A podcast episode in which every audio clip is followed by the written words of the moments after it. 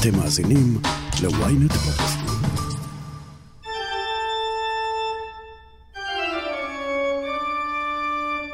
הטירות שלא נבנו, הפסלים מימי הביניים שעיצבו את דמותה של האם החורגת של שלגיה, ומה באמת כתבו האירופאים במעשיות שלהם. בדיסני עיצבו את ההיסטוריה כראות עיניהם, ואנחנו כאן כדי לעשות לכם סדר וגם אמת.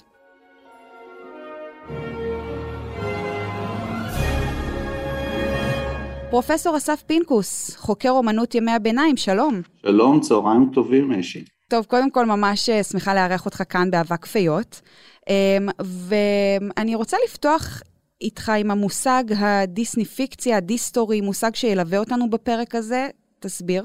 המושג Distory זה בעצם שילוב של שתי מילים, דיסני ו history, או אה, Distory, ההיסטוריה על פי דיסני כפי שהייתה צריכה להיות, נקייה יותר ואמריקאית יותר. למה הכוונה? למעשה דיסני מלמד אה, או לימד בדרך סרטי האנימציה שלו אנשים היסטוריה, הוא לימד את האמריקאים היסטוריה איך אירופה נראתה, איך היא התנהגה באופן חזותי ובלתי נשכח כך שזה נחקק היטב בזיכרון ושני ההיסטוריונים שטבעו את המונח הזה הם פלמן ווואלה שהם אמרו בעצם זה סוג של מיקי מאוס היסטורי, זה ימי ביניים אידיאליים יותר, נקיים מעוני, לכלוך, מגפה, מגלמים את ערכי אמריקה. עכשיו, בתוך המושג הזה, ההיסטוריה על פי דיסני, אה, ישנו מושג נוסף שנקרא דיסניפיקציה, כלומר מיקום של הנרטיב האמריקאי בתוך אירופה. עכשיו, דיסני עושה את זה בשימוש גם בקווי עלילה שמגיעים מאירופה, אם זה האגדות שנדבר עליהן כנראה בהמשך, ואם זה באסתטיקה שנובעת מימי הביניים, בעיקר הוא משתמש באומנות של המאות ה-13 עד ה-15. עכשיו, המטרה שלו זה בעצם להנכיח את המיתוס ואת האידיאולוגיה האמריקאים בעבר, ותוך כדי זה הוא הופך אותם לאוניברסליים ועל זמניים. עכשיו, הדיסניפיקציה של ההיסטוריה, הדיסטורי, מקדמת בעצם היסטוריה כמו שהיא היא הייתה אמורה להיות אידיאלית, היא נקייה מעוני, היא נקייה מלכלוך, היא נקייה ממגפות, אה, והיא גם משקפת איזושהי חרדה בסיסית, אולי אמריקה פספסה משהו בנפלאות של אירופה, אולי היא פספסה משהו ביתרונות של העבר מצד אחד, ומצד שני זה גם סוג של, הייתי קורא לזה כמעט אה, ניכוס, כלומר, הוא הופך, הוא ממקם את אמריקה בתוך ההיסטוריה האירופאית כאילו היא תמיד הייתה שם, כאילו האידיאולוגיה האמריקאית שהיא זרה לחלוטין לימי הביניים האירופאים, תמיד הייתה שם בפנים, תמיד נכחה ו- והיא חלק, ובעצם השאלה איך קוראים את זה, האם אירופה היא חלק מהנרטיב של אמריקה, או אמר, אמריקה היא חלק מהנרטיב של אירופה, הוא יוצר פה איזושהי היסטוריה חדשה שלא הייתה קיימת. אז בעצם אתה אומר לנו שבדיסני לוקחים דימויים, פסלים, סימנים למיניהם מימי הביניים, ובעצם שותלים אותם לרוב אולי בצורה שגויה בסרטים שלהם? אני לא יודע אם זה בצורה שגויה, כמו בצורה מניפולטיבית. הדוגמה mm. הכי מפורסמת היא מחזור הפסלים אה, של קתדרלת נאמבורג, שנבנו ב-1249, פחות או יותר, ומייצגים את 12 התורמים של הקתדרלה. עכשיו אלו פסלים מאוד ריאליסטיים שהם מאוד בלבלו חוקרי אומנות בגלל שבאמצע ימי הביניים כאשר בדרך כלל נהוג להציג אנשים באופן מאוד סכמטי הם מיוצגים בדרך כלל ללא מאפיינים אינדיבידואליים רק על ידי סימנים מזהים של מעמד, כוח וכולי אמ, פתאום יש לנו מחזור שהוא כל כולו אה, חגיגה של נטורליזם ואינדיבידואליזם ולכן הוא מאוד בלבל את החוקרים מה בעצם הוא מייצג, איך ולמה. עכשיו דיסני משתמש לראשונה בפסלים האלה, הוא מזמין מהעירים שהתחנכו בשוויץ ובגרמניה לצורך הפקת הסרט שלגיה ב-1937, הסרט נעשה על רקע השפל הכלכלי הגדול ובעצם זה, זה הסרט, הפיצ'ר uh, אנימיישן הראשון שהוא עושה באורך מלא והוא משתמש באופן מרתק בדימויים של אירופה. עכשיו הפסלים האלו שהוא לוקח מנמבורג מייצגים בעצם חברה של אבירים את האידיאל האבירי של ימי הביניים, וכל אחד מהפסלים מייצג טיפוס אחר, הלוחם, הטיפוס היותר רוחני, הגבירה החצרונית הגבוהה יותר, הגבירה החצרונית הנמוכה יותר, הם כולם מגודדים בהבעות רגשות מאוד קיצוניות ו- ומעניינות, ומה שהוא עושה הוא בעצם לוקח את הפסל, משלב אותו עם גיבורת תרבות אמריקאית או גיבור תרבות אמריקאי ויוצר את הדמות עבור האנימציה. הדוגמה הטובה ביותר זה האימא החורגת של שלגיה.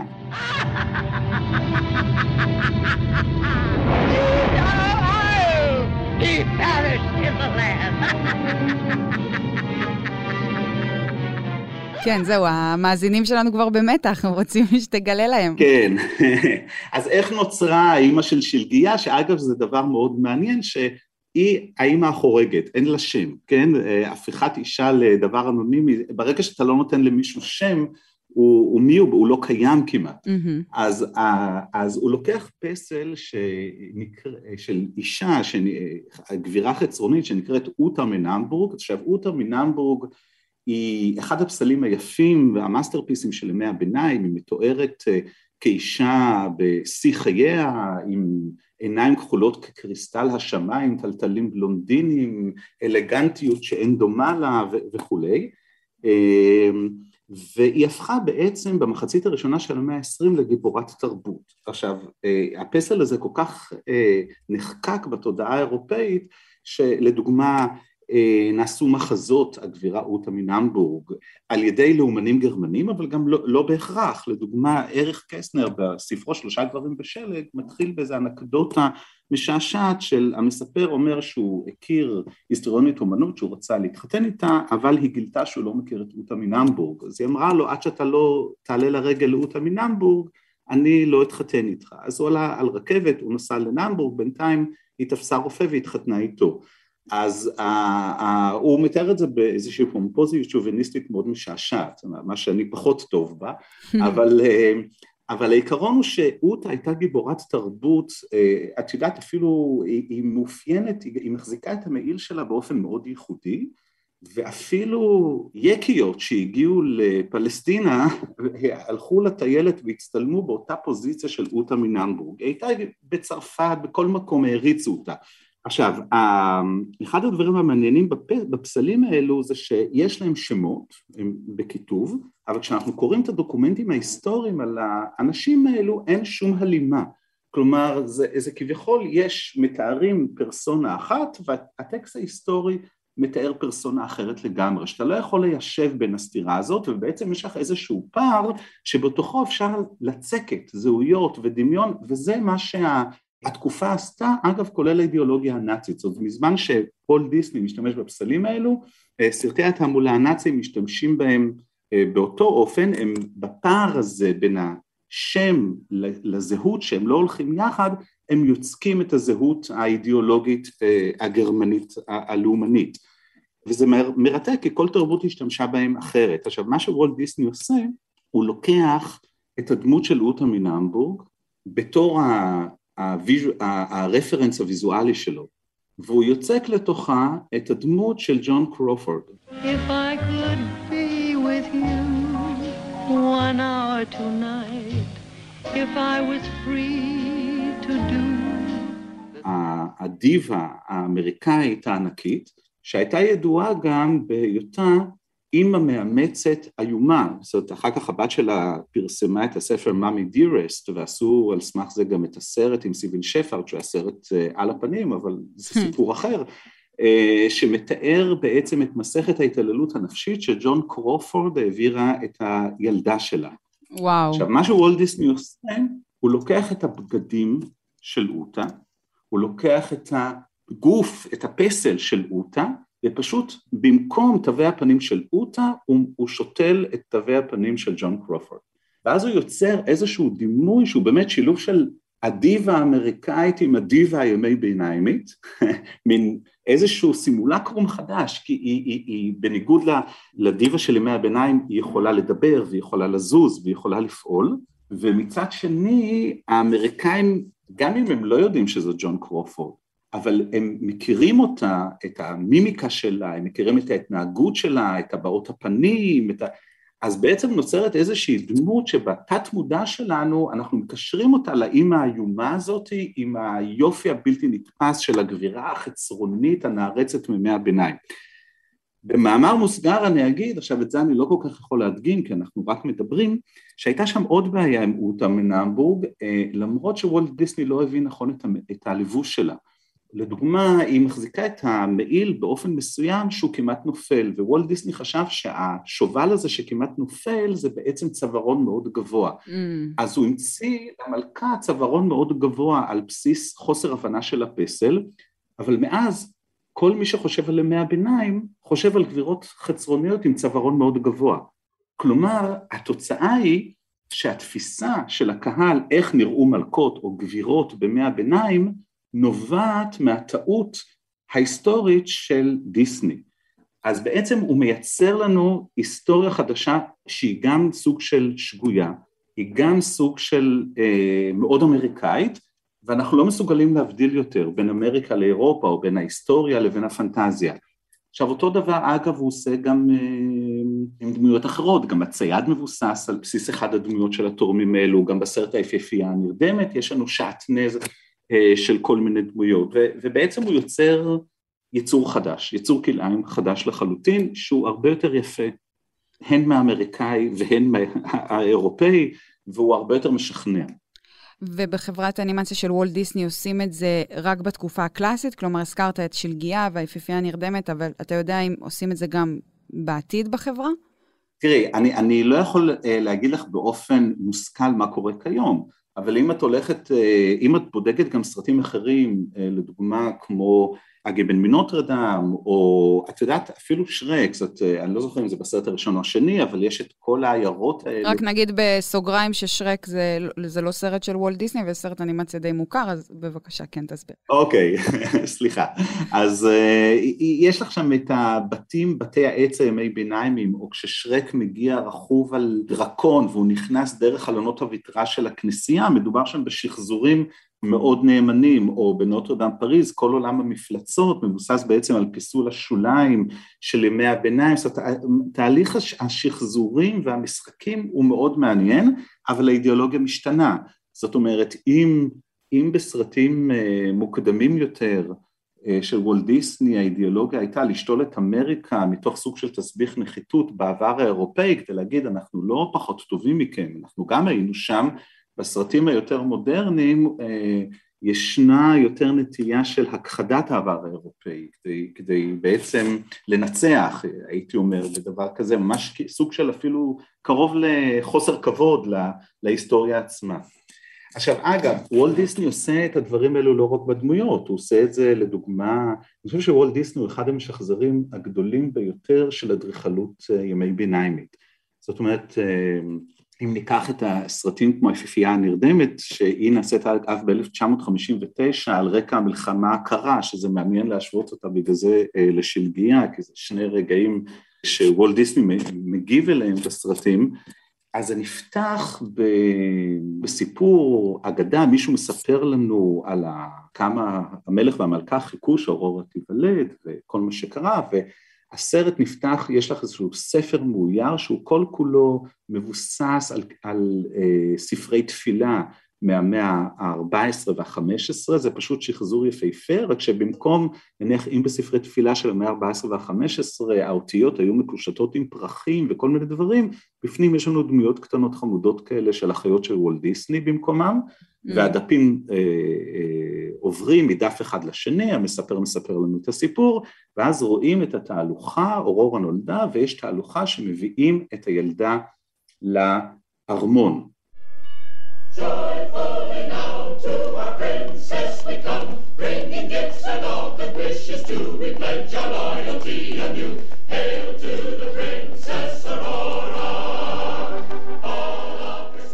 הדבר המרתק הוא, יש שם המון דברים מרתקים, אבל לדוגמה הוא ממקם את התהלוכה בחיקוי, באיור שהוא עושה לגשר קרל מפראג. עכשיו כל מי שביקר בפראג מכיר קרלסבורג, זה הגשר הכי מפורסם שיש, הוא נבנה במחצית השנייה של המאה ה-14 על ידי אדריכל שנקרא פטר פרלר, הוא חיבר בין העיר הישנה לחדשה, הוא היה הגשר הגדול שנבנה עד אז באירופה, אבל מה שמעניין הוא שהגשר הזה נבנה לכבוד התהלוכה של קרל הרביעי, הקיסר הבוהמי, לרגל הולדת היורש ונצל. כלומר, הגשר הזה נבנה במקור כדי להביא את היורש, את התינוק, מהעיר הישנה לעיר החדשה, ועכשיו וולט דיסני ממקם את התהלוכה של אורורה שמכניסים אותה לעיר בדיוק באותו גשר. כלומר, אין כאן מקריות, זה, זה, זה דבר שהוא מרתק מבחינת איך הוא מודע להיסטוריה ואיך הוא משתמש בה. אז ההכנסות ההיסטוריות, השימוש ההיסטורי הגאוני הזה שוולט דיסני עושה, אתה חושב שהוא לרוב משרת נאמנה את ההיסטוריה, או לעיתים חוטא למציאות? לא, לא, הוא, זו מניפולציה מתוחכמת להפליא של ההיסטוריה. אני אתן לך את הדוגמה הכי, הכי טובה לזה. כל הסרט של הפיפייה הנרדמת בעצם מדבר על איזשהו סיפור אהבה הוליוודי. שני ילדים שיועדו זה לזה לחתונה, פיליפ ואורורה, בטרם הם נולדו, הם לא מכירים אחד את השני, הם נתקלים במקרה זה בזה ביער, הם לא מודעים, היא לא יודעת שזה פיליפ והוא לא יודע שזה אורורה, הם מתאהבים, ממבט ראשון כמובן, סיפור אהבה הוליוודי. I'm awfully sorry. I didn't mean to frighten you. Oh, it wasn't that. It's just that you're a... a... A stranger? Mm-hmm. But don't you remember? We've met before. We, we have? Well, of course. You said so yourself. Once upon a dream. אבל אין להם ברירה. אה, פיליפ יודע שהוא צריך לפגוש איזושהי נסיכה שהוא בחיים לא פגש, והוא חייב להתחתן איתה, והוא מחליט להגיע לאבא שלו ולהגיד לו, שמע חביבי, אני פגשתי נערה מדהימה ביער, אני לא מתכונן להתחתן עם הנסיכה שאני מיועד לה, אני הולך להתחתן עם הכפרייה הזו. I didn't say it was Aurora. You most certainly did. You, you said that... I said I met the girl I was going to marry. I don't know who she was. A peasant girl, I suppose. A, a peasant girl? You're, you're going to marry a... Why, Philip, you're joking. עכשיו זה כמובן דבר שבהיסטוריה מי ביניימית לא ייתכן, אפילו בפנטזיות הכי גדולות הוא לא ייתכן, כי נישואים ב- בימי הביניים זה עסקה של מקרקעין, רכוש, ירושות, מעמד חברתי, אף נסיך לא יתחתן עם וסאלית, עם עובדת אדמה, או, או, או. זה בלתי אפשרי. בוא אני אגיד לך ככה, בימי הביניים, נניח היית סוחרת עשירה, ויש לך המון כסף, ואת רוצה לקנות פרוות חולד, ויש לך את הכסף לקנות עשר פרוות חולד, את לא יכולה, כי כל דבר מקודד במעמד. פרוות חולד יכול לקנות רק נסיך ומעלה. אלה דברים שבכלל במחשבה ההיררכית האריסטוקרטית של ימי הביניים לא ייתכנו, אין, אין היתכנות היסטורית למצב הזה. אבל וולט דיסני הופך את זה לסיפור אהבה נפלא. עכשיו, ומה הוא עושה עם הטקסט? כשהמלך אומר לבן שלו, פיליפ, אבל אתה חייב להתחתן עם נסיכה. Give up the throne, the kingdom, for some, some nobody? Why, Harry, I won't have it. You're a prince, and you're going to marry a princess. Now, father, you're living in the past. This is the 14th century. Nowadays, Nowadays I'm still אז the king. פיליפ עונה לו, אבא, איפה אתה חי? אנחנו חיים בעידן המודרני, זו המאה ה-14. עכשיו, אנשי המאה ה-14 באמת קראו לעצמם מודרניים. היה סוג חדש של פולחן שנקרא דבוציו מודרנה, שזה היה פולחן שבמקום להסתמך על אינטלקט הוא הסתמך על הזדהות רגשית עם האלוהים ועם הסבל שלו וכולי, והייתה מוזיקה ואומנות שנקראה ארס מודרנה, שזה מבנים חדשים של מוזיקה שלא ניכנס אליהם, אבל הנקודה היא שאנשי המאה ה-14 הרגישו שהם הולכים על דרכים שטרם נחרשו, והם כינו את עצמם מודרניים. עכשיו וולט דיסני לוקח את התודעה הזאת שאנשי המאה ה-14 מכנים את עצמם מודרנה והוא בעצם לוקח רק את המילה ובמקום זה הוא לוקח את המודרני של המאה ה-20 שזה אומר רעיון האהבה ממבט ראשון, ביטול ההיררכיות האירופאיות, כלומר אתה, כל מה שאתה צריך זה לרצות להצליח ולהתקדם למעלה ובעצם גם אה, בחורה אה, ענייה היא יכולה לתפוס מיליונר. שזה אגב כמו הסרט של מרלין מונרו ולורן בקול, How to catch a millionaire. זאת אומרת, הוא פשוט תובע, הוא מכניס לתוך ימי הביניים את הרעיון הזה שכל אחד מכל מעמד יכול לעשות את זה, החלום האמריקאי, כל אחד יכול להפוך למולטי מיליונר. ובין זה לבין מה שקרה בימי הביניים אין, אין שום קשר. מיותר אפילו כמעט אה, להגיד את זה. טוב, עוד מעט נמשיך, אבל קודם, הפסקה קצרה. היי, אני יובל מן, עורך ynet דיגיטל. בעולם הטכנולוגי של היום צריך שמישהו יעשה קצת סדר. הצטרפו אלינו לרפרש, פודקאסט הטכנולוגיה החדש של ynet. בכל פרק נדבר על מה שחדש ומעניין בעולם הדיגיטלי. רשתות חברתיות, סייבר, גאדג'טים, וההמצאות שהולכות לשנות לנו את החיים, ואולי גם את העתיד. חפשו אותנו בוויינט ובאפליקציית הפודקאסטים שלכם. דיברת מקודם, אסף, על אה, השימוש החוזר של דיסני בסימולקרום. Um, תוכל להסביר למאזינים שלנו ככה ב... על רגל אחת? תראו, אה, סימולקרום הוא מונח מסובך. אני אגיד את זה, אבל בקשר לדיסני, בדבר הכי, הכי פשוט. בורכס לדוגמה מספר לנו על ממלכה שבה הקיסר, בעל הממלכה, מבקש מעושי המפות שלו שיעשו מפה כל כך מוצלחת של המפה, הכי טובה שאפשר, והם מאוד מתאמצים והם יוצרים בעצם מפה של הטריטוריה אחת על אחד, והיא כל כך גדולה כי היא לא, היא לא בקנה מידה, היא, היא בול באותו גודל, עד שהמפה מכסה את הטריטוריה ואנשים מתחילים לחיות על המפה, והמפה הזו היא מצוינת. אבל יום אחד כשהמפה מתפוררת הם מגלים מתחת את מדבר המציאות. למה הכוונה? מדובר פה בתחליף למציאות, בתחליף לדבר האמיתי, שהוא הרבה יותר טוב, הרבה יותר יפה, הרבה יותר משכנע מהדבר האמיתי, וכתוצאה הוא אה, בעצם גורם למותו של הממשי, למותו של האמיתי. הרעיון הבסיסי הוא החיקוי שהוא העתק שהוא הרבה יותר טוב מהמציאות עד כדי כך שהוא מחליף אותו ומשכיח אותו, כלומר הוא מבטל את היחסים ההיררכיים לשאלת המקור, בגלל שהעתק הוא הרבה יותר טוב מהמקור, אז מי צריך את המקור, או אני אגיד את זה במילים יותר פשוטות, למה לטוס לגרמניה לראות את הטירות אם אפשר לשכור DVD של שלגיה והיפייה הנרדמת, או היום זה כבר להוריד את זה, זה לא לשכור. עכשיו למה הכוונה ב, ביחס של דיסני? דיסני מייצר לנו דימויים של ימי הביניים האירופאים שהם הרבה יותר יפים, הרבה יותר טובים, הרבה יותר נקיים ממה שיש, בעוד שהמקומות של ימי הביניים עלולים להתפורר ולהיעלם, הוא מפיח בהם רוח חיים והם הרבה יותר יפים, אז למה צריך את המקור? עכשיו לא רק זאת, הוא לדוגמה כשהוא בונה את הטירה שלו, הטירה המפורסמת בדיסנילנד, אה, כשהוא חונך את, את המקום בשנות ה-60, To all who come to this happy place, welcome. Disneyland is your land.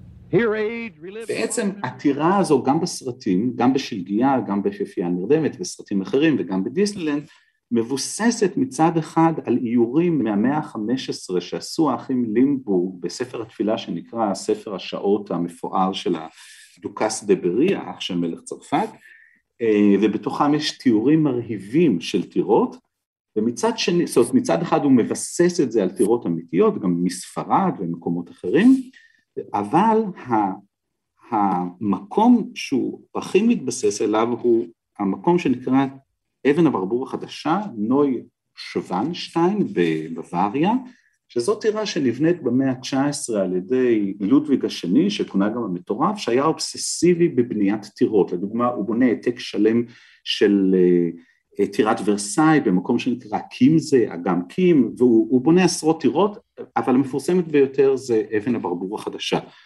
עכשיו, הטירה הזאת היא, היא בעצם, הייתי אומר, סך כל רעיון הטירה המדיאבלי. כלומר, יש בה חלקים שמבוססים על טירות בסגנון שהיה בגרמניה. יש בה חלקים שמבוססים על טירות בסגנון שהיה באיטליה, ויש בה חלקים על טירות שהיו נהוגות בצרפת, ואפילו כמה סוגי עיטורים שהיו נהוגים בהולנד. עכשיו, את יכולה להבין שברגע שהוא יוצר את השעטנז הזה, מדובר בטירה מושלמת, שבחיים לא הייתה קיימת. יש בה את סך כל הטוב שבכל טירה שאי פעם נבנתה. אבל לא הייתה טירה שהיו בה כל כך הרבה סגנונות, אבל זו טירה כל כך, אה, היא נבנית לחלוטין במציאות, לא בפנטזיה, והיא כל כך יפה והיא כל כך אה, במצב מעולה, שהיא הופכת להיות הסמל של מה זה ימי הביניים. עכשיו וולט דיסני לוקח אותה וממנה, זאת אומרת מהסימולקרום הזה, כי טירה כזאת לא הייתה קיימת, זאת טירה שהיא פנטזיה. אם כל הטירות. אם כל הטירות, כן? אבל היא הרבה יותר טובה מאשר, את יודעת, למה עכשיו לנסוע לאיזושהי טירה מתפוררת שהיא חצי חורבה? יש לך טירה שהיא מעולה. אז היא משכיחה את המקור. עכשיו וולט דיסני לוקח את הטירה הזאת... זה ממש הטיית הצרכן, זה להטעות אותה. לגמרי, לגמרי. עכשיו, הוא לוקח את הטירה הזאת, שהיא בעצמה סימולקרום, שהשכיח את המקור, וממנה הוא בונה, אם אני אשאל ממך את הביטוי, את אם כל הסימולקרה, את הטירה של וולט דיסני. עכשיו, זה, זה, זה, אפרופו, אני אגיד את זה בצד, שזה דבר ציני בפני עצמו, כי אם תחשבי על זה, הרי כל אמריקה של אותם שנים היא סימולקרום גדול בפני עצמו, יש לך את הצ'יינאטאון, ויש לך את הרוב האיטלקי, ויש לך את הזה, זאת כל דבר שם הוא חיקוי של משהו אחר.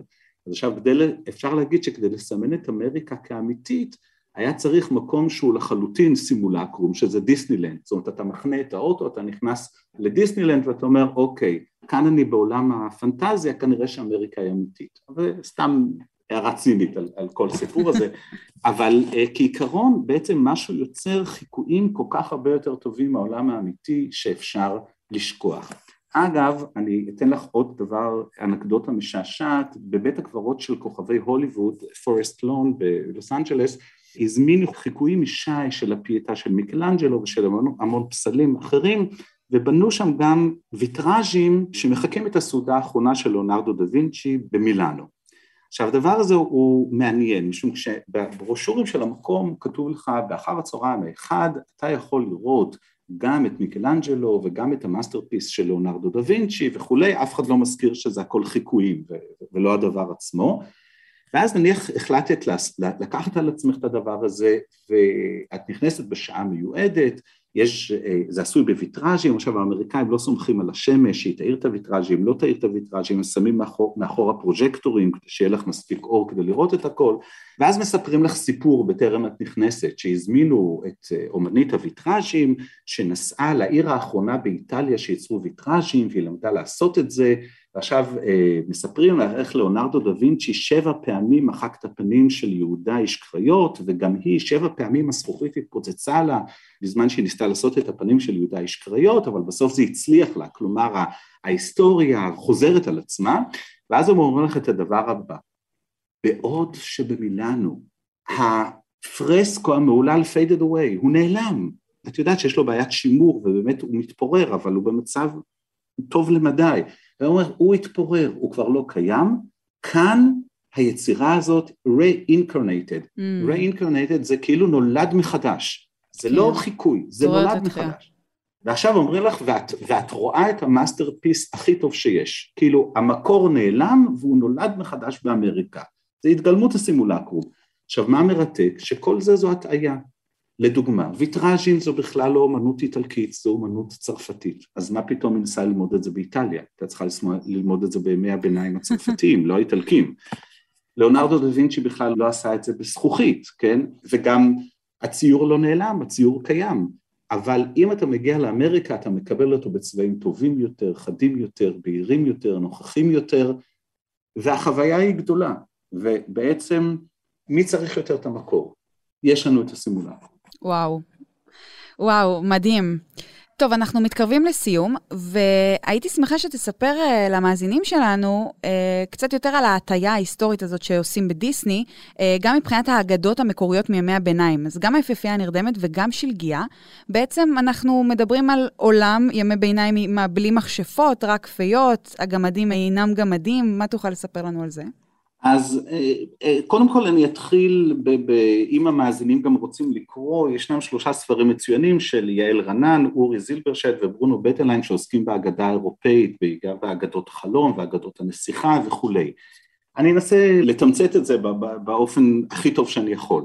האגדות האירופאיות האלו בעצם נולדות במרחב הצרפתי במאה ה-13, במאה ה-14, אנחנו מכירים את רובן דרך תרגומם לגרמנית במאה ה-14, 15 ואילך, ומדובר פה באמת באגדות שבהן ישנה גיבורה שמגיעה לגיל ההתבגרות ומנסים לכפות איזשהו עיכוב על ההתפתחות המינית הזאת. עכשיו אם ניקח לדוגמה את שלגיה, אז בעצם אלו אגדות שעוסקות בטבואים חברתיים בסיסיים של, של, של כל מקום. אה, בהגדה המקורית אין אימא חורגת, זו האימא האמיתית שלה, אה, אה, וגם אין נסיך שמתאהב בה במבט הראשון ובא להציל אותה בנשיקה, אלא מדובר בחרדה מאוד ארכיטיפית של גילוי עריות.